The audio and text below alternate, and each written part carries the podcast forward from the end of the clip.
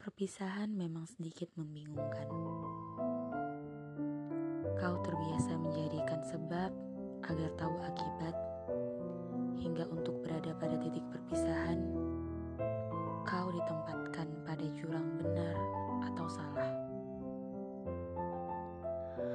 Namun, pada suatu penerimaan sesungguhnya, kau melihat keputusan pergi adalah satu-satunya langkah yang tepat. Yang biasanya memilih pergi sebagai jalan paling egois, kini menjadi egois untuk suatu pelepasan pergi paling damai. Lalu kemudian kau belajar bahwa beberapa yang beriringan tidak bisa selalu bersama selamanya.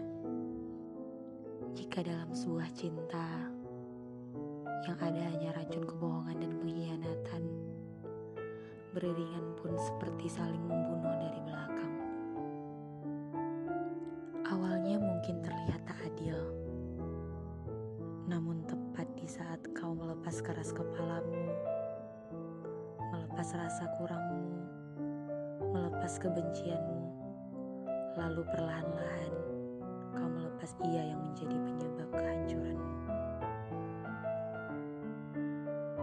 Mencintai adalah tentang kehancuran